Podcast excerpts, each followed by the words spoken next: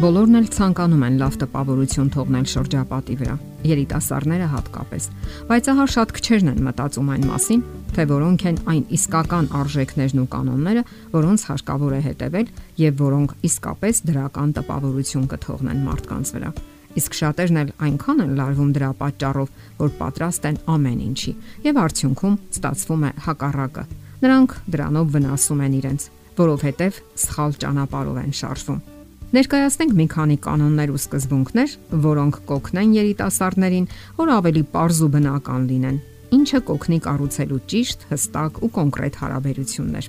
Հարաբերություններում իմաստ չունի դերասանությունը։ Իմաստ չունի ներկայանալ որպես մեկը, որը բոլորովին նման չէ ձեզ։ Դա վերաբերում է թե հաղորդած տեղեկություններին, թե ձևական ու խաղարկովի թեթևությանը շատ աղջիկներ կամ տղաներ ուրախ պայծառ տրամադրություն են խաղում։ Հասկանալի է, որ կարիք չկա նաև մտահոգ, լարված կամ ծանր տրամադրությամբ ներկայանալ հանդիպումներին։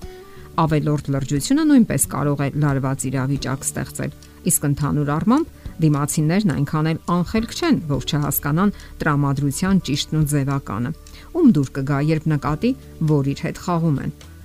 Եթե օրինակ դուք հումորի վարպետ չեք, կարիք չկա լարվել եւ ջանքեր թափել սրամտելու, խիստ կատակասեր անznավորություն թվալու։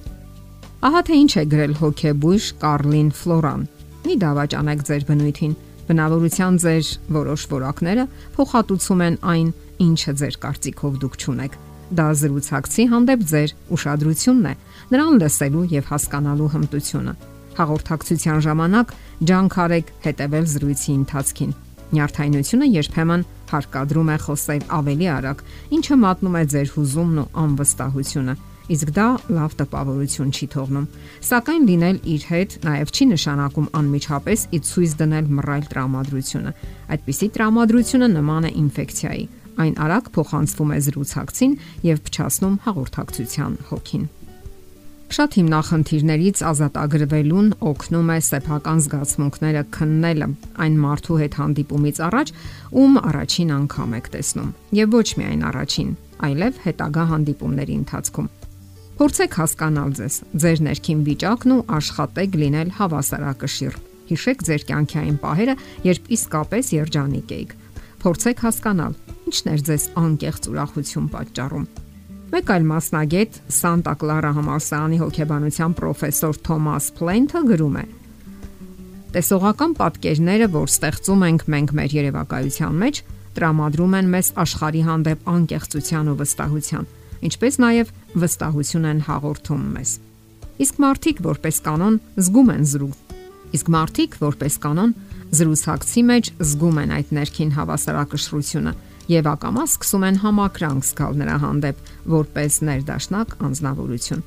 Հաշվի առեք եւս մի կարևոր պահ. ողբերգություն չի լինի, եթե դուք տապալեք այդ հանդիպումը։ Երբեք չեն բացառվում սխալները։ Կյանքը շատ ուրիշ հնարավորություններ կընձեռի ձեզ։ Առաջին հանդիպումը միշտ կարևոր է։ Այն հարուստ տպավորություններ է թողնում գոյություն ունեն հոգեբանական նրբերանգներ, որոնք մատնում են զրուցակցի ներքին վիճակը եւ հնարավոր է հասկանալ նրա վիճակը շարժուձևի միջոցով։ Օրինակ, շատ ավելի մեծ վստահություն են թողնում այն մարդիկ, ովքեր զրույցի ժամանակ նայում են զրուցակցի աչքերի մեջ եւ չեն փախցնում հայացքը։ Դա լուր հետաքրքրասիրություն է զրուցակցի հանդեպ։ Իսկ ահա որոշ դիրքեր հաղորդում են, որ դուք ցանկանում եք տարածություն պահպանել։ Կրծքին ցալած зерքերը խոսում են այն մասին, որ դուք չեք ցանկանում մտերիմ հարաբերություններ Առաջին հանդիպման ժամանակ բնականաբար բացառվում են որևէ տեսակի ֆիզիկական շփումները։ Առաջին հանդիպումը ընդհանրապես քայլ է հասկանալու համար, իսկ պետք է արդյոք շարունակել հետագա հարաբերությունը։ Շատերը չեն կարողանում կողմնորոշվել, թե ինչպիսի տարածություն է պետք առաջին եւ հաջորդիվ հանդիպումների ժամանակ։ Չարժե չափազանց հեռու նստել զրուցակցից եթե նստած եք ընդհանուր սեղանի շուրջ։ Շփվողների միջև տարածությունն արդեն կարող է ցույց տալ, թե ինչքանով են նրանք ցանկանում փոխհարաբերվել միմյանց հետ։ Մոտ տարածությունը վկայում է այն մասին, որ դուք ցանկանում եք հուզականորեն մերձ լինել։ Սակայն անպայման հաշվի առեք մարդկանց մոտ գոյություն ունեցող մերձ գոտին, որտեղ ներխուժելը անհարմարության զգացում կարող է առաջացնել։ Ահա թե ինչու չարժե չափազանց շատ մոտենալ զրուցակցի դեմքին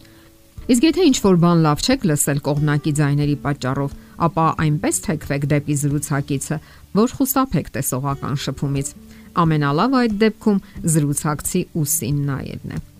Այսպիսով լավ տպավորությունը կախված է բազմաթիվ գործոններից, որոնցից ամեն մեկը իր ուրույն տեղն ու դերն ունի։ Եվ հիշեք, որ հանուն լավ տպավորության չարժե զոհաբերել կենսական կարևոր արժեքներն ու սկզբունքները։ Խելացի մարդը վաղ թե ուշ կգնահատի ձեր անկեղծությունն ու բնականությունը, եւ հենց դրանով դուք կհասնեք նրան, ինչին ձգտում եք՝ դրական տպավորության։ Եթերում է ճանապար երկուսով հաղորդաշարը։ Ձեզ հետ է Գեղեցիկ Մարտիրոսյանը։ Հարցերի եւ առաջարկությունների համար զանգահարել 033 87 87 87 հեռախոսահամարով։